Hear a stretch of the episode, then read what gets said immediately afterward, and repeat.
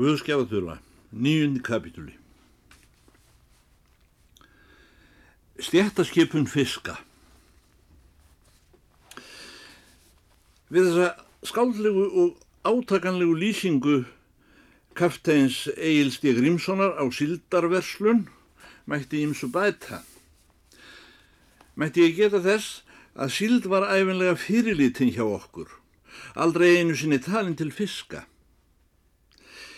Hér er talað um síld og fisk eins og tvent ólíkt. Það má ekki misbjóða heiðarlegum fisku með því að ruggla þeim sama við síld. Ég leifi mér að vitna í hennar merkur rannsókn næringarfræðingsins professor Dr. Jóensens á mataræði Íslandinga. Um, uh, professor Dr. S.G. Jóensen Die klassische Nationalkost der Isländer durch ein Jahrtausend. Eine nahrungswissenschaftliche Studie. Universitätsbücherei, Göttingen og svo framvegis. Það segir svo, blæðis 127. Fiskneisla þessa fólks hefur gegnum tíðina auðkjænst af reglu í matvendni sem ekki mátti bróta nema menn vildu hætta þar til virðingu sinni. E, til að mynda var viti á því að geta fiska sem voru ófrýðir í andliti. Þorskfiskar, engum þorskur og ísa, virðast hafa verkað jákvægt á bræðstöðar Íslendinga vegna fríðleika fiska þessara í andliti, stillilegs augnaráðs og geðugs vakstarlegs. Þó öðrum þjóðum finnist svonendur kapeljá heldur leiðinlegur matur, að minnst að kosti ókryttaður. Fiskum eh, sem öðrum mönnum þykja eftir soknaverðir kostuðu Íslandingar í sjóin aftur og tautuðu um leið fyrir munni sér trúarlega formála ef þeim fannst þessi soning ekki nógu laglegi framann. Karfi, margnútur, skötuselur og núðlags átti ekki upp á pallborði hjá Íslandingum af ofangrindum ástæðum. Sjódýr sem ekki töldust til ryggdýra og sælkerar sækjast mest eftir eins og skeldýr, krabba og smokk töldu Íslendingar til skammarlegra kvikinda og þorðu ekki eins og snerta þetta. Eitt til mesta lostætti sælkera að sjómeti til kalla Íslendingar sædjöful af því þeim líkar ekki andlisfall hans. Íslenskir fiskimenn eru hrættir við þessa skeppnu af því hún hefur að sögn þeirra tvo kjafta. Þó hákals ég bæði líkt eigur og yllilegur til munsins. Var hann þó talinn ættur á Íslandi í fyrsta lagi af því hann var grafin í jörðu í tólf ár árun af getinn og hafiði ljótur svipur hans mildast við þessu laungu jarðsetningu og í öðru lagi var hann seldur í bútum eftir að hann var grafin upp og fáur höfðu séðan í heilu lagi. Nýttjafiskar máttu ekki heldur hafa ankannalegt sérbræð nýja tilgerðarlegt litaskrúð, hjáleitt við umhverfið. Heldur urðaður nokkur neginn gráur á grátt ofan Frá eigin brósti myndi ég vilja bæta því við. Að engin sjóskeppna hafi á Íslandi verið álitinn jafn útmetinn hallæris fæða og um bræðum mikla glitrandi síld. Langt fyrir neðan allan málfisk að stærð. Auk þess sem lagði af henni þef sem Íslandingum fannst leiðinlegur í samanburði við ilminna þoski og ísu og bein síldarinnar sem voru legjó stóðu þversum í kokkinu á allum sannum Íslendingum. En þó okkur gæti ekki til hugarkomið að leggja okkur þessa skeppnu til munns, þá fór nú landið samt upp úr þessu klórinu að syngja þið fara kvæði í djúpinu glítrar gullið rauða og ljósa. Uppgötvun síldarinnar af hálfu svíja og norðmanna fyrir norðurströnd Íslands bar upp á sama tíma og hugarfarslegt blómaskeið aldamótanna æsku daga þeirra manna sem kallaður voru vormenn Íslands. Þessir menn voru gullaldar hetjur, endur borðnir sem hugssjónamenn, ungmennafélagar, endur fæðingarmenn og ættjarðarvinir sem önguðu erðu fyrir landið var farið að rýsa og þeir sjálfur orðnir embættismenn, grósjurar og þjóðskáld. Það voru þessir menn sem dubbuðu síldina til gullnámu Íslands sem lesa má í ofannendri síldarsögublaðs 110. Gullið er þar, hefur höfundur eftir merkum öldungi sem þá var uppi og kallar þessi orð hans vefrétt. En í rittkorni sem sami öldungur gaf út bætir hann við orðum sem voru of yfirleitislaus til að ná hlustum okkar fólks sem sé. Til þess að geta hagnýtt sér þessa gullnámu þarf þekkingu. Síðan bættu fróðunum en við. En þekkingin var ekki í handraða og því fór sem fór. Til að mynda var tekið til að há skatta þessa áður óumdreymdu gullnámu, laungu áður en menn höfðu þekkingu til að nýtja hana. Menn hvorki kunnu að veiða þennan fisk nýja handfjalla hann. og það sem hraparlegast var rendu blind í sjóin um hvernig verslaskildi með þessu vöru. Laugjafinn beitti fyrir sig skatta yfirvöldunum til að láta greipa sópa um þetta ókunna gull sem blindir menn voru óviljandi farnir að auðsa upp úr sjónum. Nú gildir Raunar um allan fisk, segir kafteinn E.D. Grímsson í bóksinni. Að á honum er yfirleitt ekki fast markaðsverð. En verðsveiflur og síld voru eins og loftvók í rosatíð. Ef spákaupmenn okkar voru ekki ánæðin með það sem útlendir kaupahjæðinar buðu þeim í síldina þá og þá, varð annað hvort engin sala, erlegar svo lág að hverki hrökk fyrir tilkostnaði. Egið síður mælti lögjafinn svo fyrir að þriðjung af verðmæti síldaraflans skildi láta af hendi sem útflutningsgjald til ríkisins í viðbóð við aðra venjulega skattaliði. Svo stundum fór helmingurinn að verðmæti síldaraflans í opimberar álögur, stundum meira, og útgerðin átti ekki fyrir skuldum eftir vertíðina. Af hverju var þetta látið viðgangast, spyr höfundur bókarinnar Egil D. Grímsson Kaftinn. Hvernig var þetta hægt? Það var vegna þess, segir hann, að síld var ekki nesluvara í landinu. Í augum Íslandinga var síld algjör hallærismatur sem auðmingum einum dætt í hug að leggja sér til munns. Tíundi kapitúli Endurfundir í Reykjavík Sem sé, átján ár liðu frá því frásaga var fælt niður af vordegi í Kaupmannahöfn. Að vísu var ég svo lánsamur að koma þeir ekki við sögu öðruvísan áhorfandi þennan eina vordag. Mín saga eða réttar að sagt, mína sögur á þessum átján árum verða ekki sagðar hér. Hér er ég að reykja þá eina sögu þar sem æfisaga mín skiptir ekki máli. Þó var það svo eftir átján ár.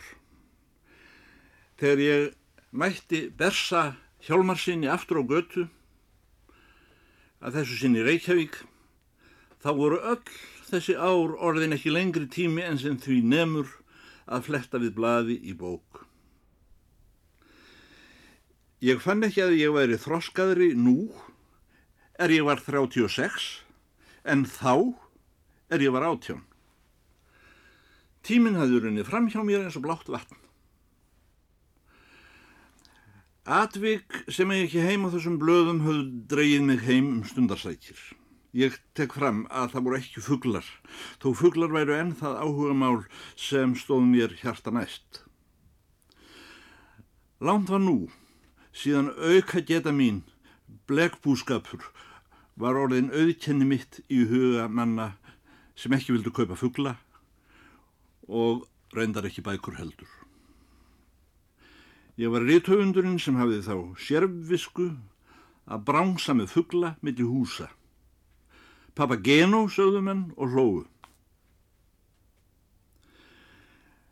Frá upphafi hafði ég ekki átt annan ættstuður heima en fóstru mína sálögu sem raunar ekki var skild mér. Ég hef ekki heldur fundið það land annar staðar þar sem mér finnist ég vera ættaður. Þeir höfðu ekki heldur gefið neitt út eftir mig heima síðan um árið sem ég skrifaði Guðina í hjúagerði og fór alveg með mig sem rauthöfund á Íslandi um langan tíma sem margan regur minni til. Það líða kannski fimm ár eða meira, þannig að bókar glemt og höfundur hefur náð mannorði sínu aftur, sem náði aldrei. En þegar hér var komið sögu, hafði ég fengið byrt eftir mig bókar grei sem ymsir, einnig heima á Íslandi, töldu skári hann þá fyrri. En það var hungursneiðin mikla í Persepólis. Þó ég hefði lagt tölverða vinnu í að semja e, bók þessa upp á nýjaleik, handa Íslandingum, voru því miður flestir sammála um að málið á henni væri hræmulegt nokkur félög höfðu samþygt að þetta væri ekkert mál. Ég tek fram að ég kann ekki aðra íslensku en þá sem fóstra mín kendi mér. Að viðbættu því sem ég hefur Konráðsbók. Hanna kefti ég mér einu sinn í Danmörku fyrir 75 öðra. Þrátt fyrir þetta voru útgefundur mínir svo vænir að bjóða mér að skræpa heim einn sumartíma að helsa upp á fólkið. Og þetta bóð þáði ég, þó fóstra mín væri reyndar öll og þar með berghald sem ég hafði á Íslandi. Það hafði orðið til tíðinda á þessu tímabili að sjakketar hafðu farið úr móð. Í staðin var komið svo nefnt citydress hjá fínum mönnum. Að vísu voru ennhafaðar teinóttar buksur eins og við sjakketum forðum, en sjálfur jakkin var orðin stuttur og gráleitur. Aftur á móti hafði Bessi, enn sem fyrr stafinsinn, skorðaðan upp að síðunni, undir þeirri hendinni sem hann hafði í vasan. Hann var einn af fám viðskiptahöldum hér heima sem enn heldu uppteknum hætti að brúka harðan hatt. Hann gekk líka dálitið álútur eins og margir ofstórir menn gera af líðræðis ástæðum. Það er að segja þeir forðast að rétta úr sér svo þeir lítillækki ekki aðra menn. Sannast að segja myndi mig Íslandsbessi hefði ekki verið svona stór og feitur. Hann hefði líka þrútnað dálitið framann og kringum augun. Það var auðvitað að hann var að hugsa eitthvað skemmtilegt með sjálfum sér eins og hér um árið þegar ég mætti honum í Kaupmannahöfn. Þetta var í miðju östustræti. Ég namn staðar til að býða hvort hann kannadist við mig og hann kom auða á mig og þekkti mig eftir. Ég var standandi hissa að hann sem stóð í miðjum ströymi atburðanna og kannski ætti ég að skrifa atburðina með stórum staf. Hann myndi eftir þývingalösri persónu eftir öll þessi ár. Ég held honum hafi þótt engin maður ómerkilegur og allir atbyrðir þess verðir að skrifast með stórum staf. Svo hann tók það ráð að skrifa aldrei neitt. Ef hann hefði átt minnisbók, hefði verið fróðlegt að sjá þá bók. Sá maður sem hann hitti í þann og þann svipin var akkurat maðurinn sem hann þurfti að hitta. Ég held líka honum hafi alltaf þótt gott veður. Einhvern tíma hafiði ferðast með honum á sjó, maður sem sagði að Íslands bessi hefði aldrei tekið eftir því hvort skipir hefiðist eða ekki. En helt við værum enn í höfn í færæjum þegar við lágum á öðrum degi til drifs í ofviðri vestur af Skotlandi og vorum syldur út úr kortinu eins og maðurinn saði. Einlagt hafði hann kringum sig hóp af attanjósum sem drukku með aðdáun viski hans og spiluði hann lomber og allt neyri manna af sandri köllun. Hann notaði hvert hlið sem varð á spilamennskunni til að leggja einkennlegar þrautir og getraunir fyrir áhangendur sína og sagði þeim að geta fljótt. Hann nefndi ekki að tala við menn sem voru lengi að hugsa. Það hýtraði á honum ístran þegar þeir gáttu vittlust. Hún þótti hlægilegt að tilskildu vera heimskir menn. Hann reyndi líka að kenna áhangendum sínum skálskap og var sá skálskapur af sumumönnum talin heldur en ekki klambur ball. Eða minnstakosti ortur annarkort af sveitahálfitum eða algjörum sénjum. Nei, komdu blessaður og þakka þér fyrir síðast. Hvað segir þið fréttum gamli drengur? Þú er manglögur, kalla ég. Manglögur, hvað segir þú drengur? Erum við kannski ekki vinir fyrir lífið? Eins og allir landar sem hafa verið í Danmörku átti ég til að ærast ef ég heyrði dönsku slettu. Því þar sletta þeir einir íslendingar dönsku sem ekki kunnana og reyndar ekki íslensku heldur. Svo ég byrjaði á því að finna að málfari hans. Fyrir lífið, segir þú Bessi. Hvað er fyrir lífið? Þýðir það lífsins vegna? Eða er það sam og æfina út? Það mikið verðskulda ég þó ekki af þér. En ég þakka þér fyrir að þú skulur komast svona orði samt. Vínir þurfu ekki að hittast gamli drengur, segir hann, og bætir við um leið og hann leggur handleikinn yfir öxlin á mér og leiðir mig á stað undir handar í aðri sínum. Þeir segja að þú sért orðin á móti samfúníunni, er það satt? Skítulímunaði, Ég er líka upp á kant við samfúníuna. Það er vináttan sem gildir gamli drengur. Vinir meðan við tórum. Samfúnía. Mér dætt í hug hvort orðið væri myndað í líkingu við heitið á þeirri pláu sem harðast hefur tröllriðið Íslandingum síðan svartidauði að því er blöðin segja og það er symfónían í útvarpinu eða hvort að vera að meina það óskiljanlega kvikindi sem oftir talað um í Danmörku og kalla samfunnit. En uh, áðurinn ég kemist til boss í þessu, segir hann, Láð mér bjóða þér í ráðherrafrúkost sem ég er að halda á borginni með nokkrum samfórstjórum mínum á Djúbvík. Það vil svo vel til að mig vantar tíunda mann því barónin minn er farin norður á ballið.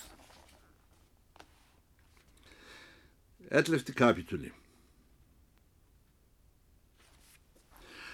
Ráðherra Vesla hjá Íslandsbersa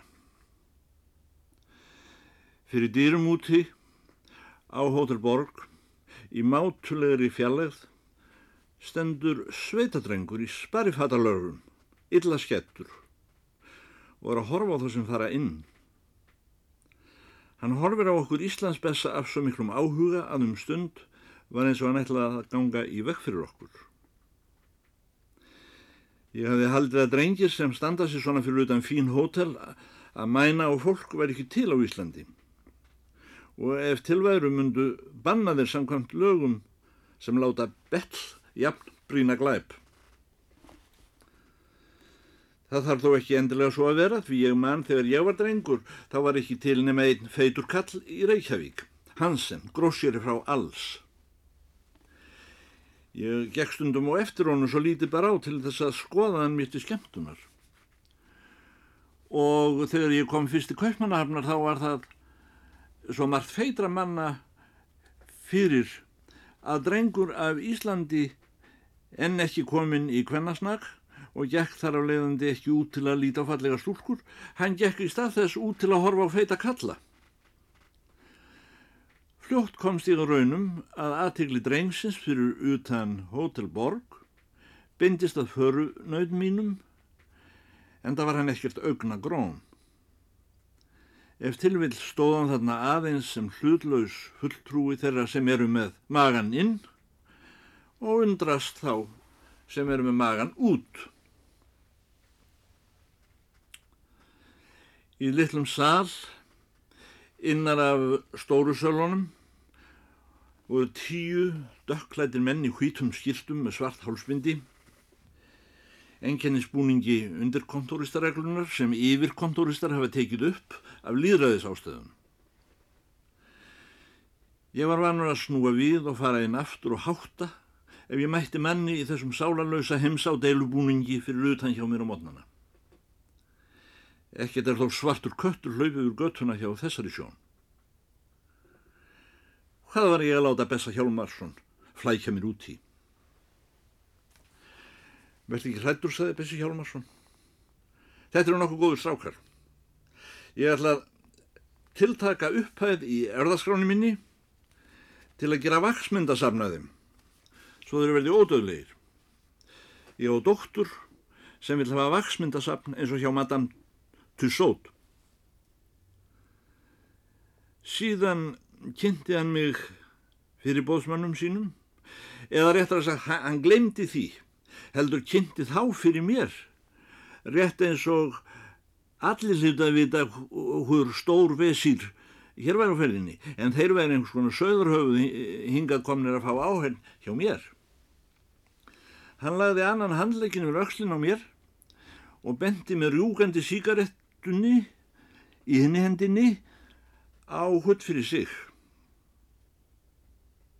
Hver nafn þeirra voru er laungu stólið úr mér, en það er ég ekki vissum að hann hafi alltaf nefnt mér mennina þó hann segði starfstitil þeirra.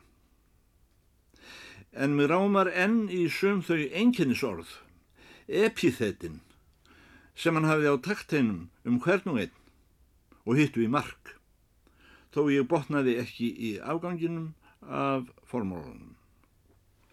Hann muldraði sig áfram, latmæltur, allan hálfringin og fyldi sprujandi hum sem stundum líktist hæ á eftir hverri setningu og setningarbroti. Registur yfir samkvæmi Bersa Hjalmarssonar á Húllborg og samanstendur af ráðherrum, banka, yfirvöldum, á samt La Crème de la Crème af Djúbvík og Grend. Í nokkur negin svipaðrið rauð og gestjafinn kynnti mér þá. Og með formálum sem hann hafiði um einn og sérhvern við þá aðtöfn. Um bankastjóran, saðan svo, Þetta er flautistinn okkar. Gæstu nummer 2. Um eftirlitsmann bankans hjá útgjörðinni og leiti ég þar augum í fyrsta skipti höfund bókar sem ég átti eftir að lesa með aðtikli síðar og hef þann heiður að skrifa upp úr við á þessum blöðum, síldarsæja mín. Þetta er kapteinn Egil Djöfull Grímsson um fjármólar á þeirra. Þessi bondakurfur púlar upp á kúgras fyrir norðan. Við höfum hann til að stjórna fyrir okkur landinu í hjáverkun sínum þegar hann er hér fyrir sunnan. Uh, fjórði. Gladbeittur maður sem ég kannast áræðanlega við með lítið andlit og skegg sem mér fannst endilega vera af trotski og þakkaði mér fyrir síðast fyrir átján árum í Kaupmannahafn, sagði að Gunna hefði lesið allt sem ég hefði skrifað og hann sjálfur þyrti nöðsynlega að tala við mig á morgun eða hindaginn. Ha ha ha!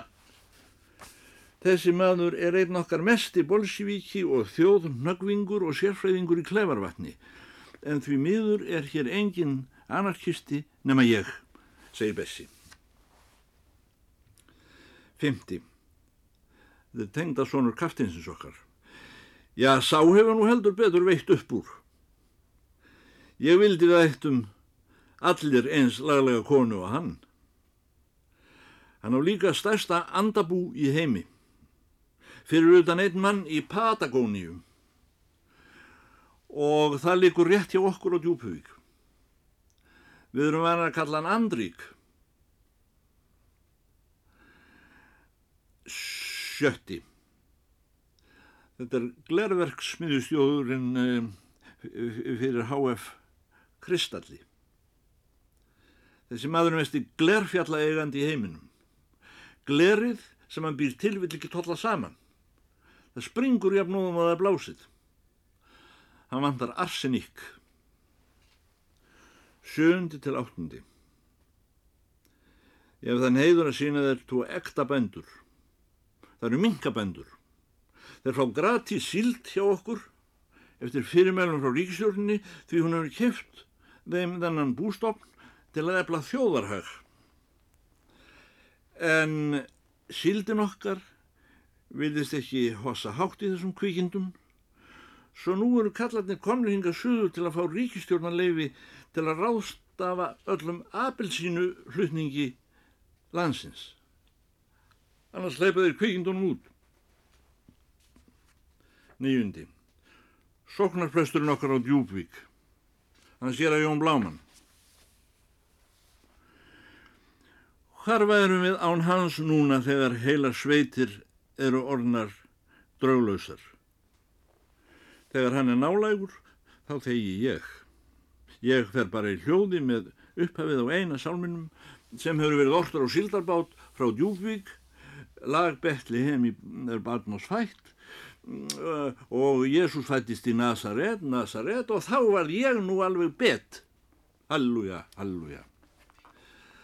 Bráður allir sestir.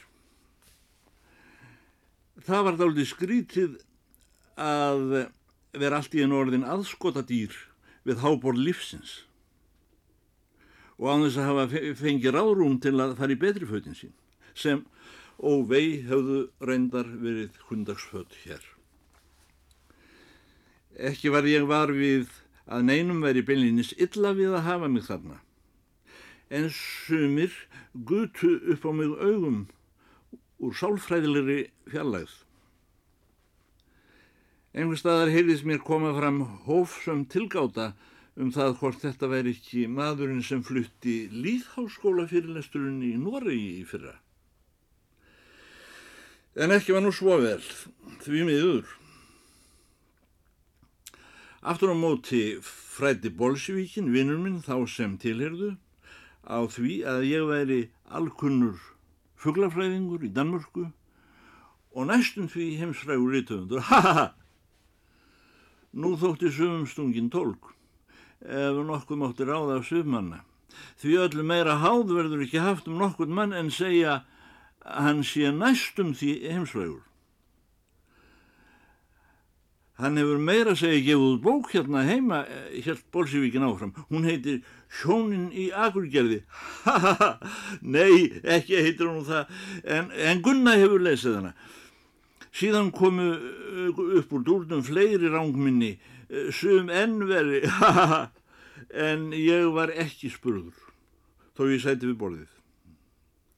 Þá rann upp fyrir mér að þessi gamli vinnur minn var einmitt sá maður sem fyrir margt löngu held að í rúsnesku veri til greinir og hétti La.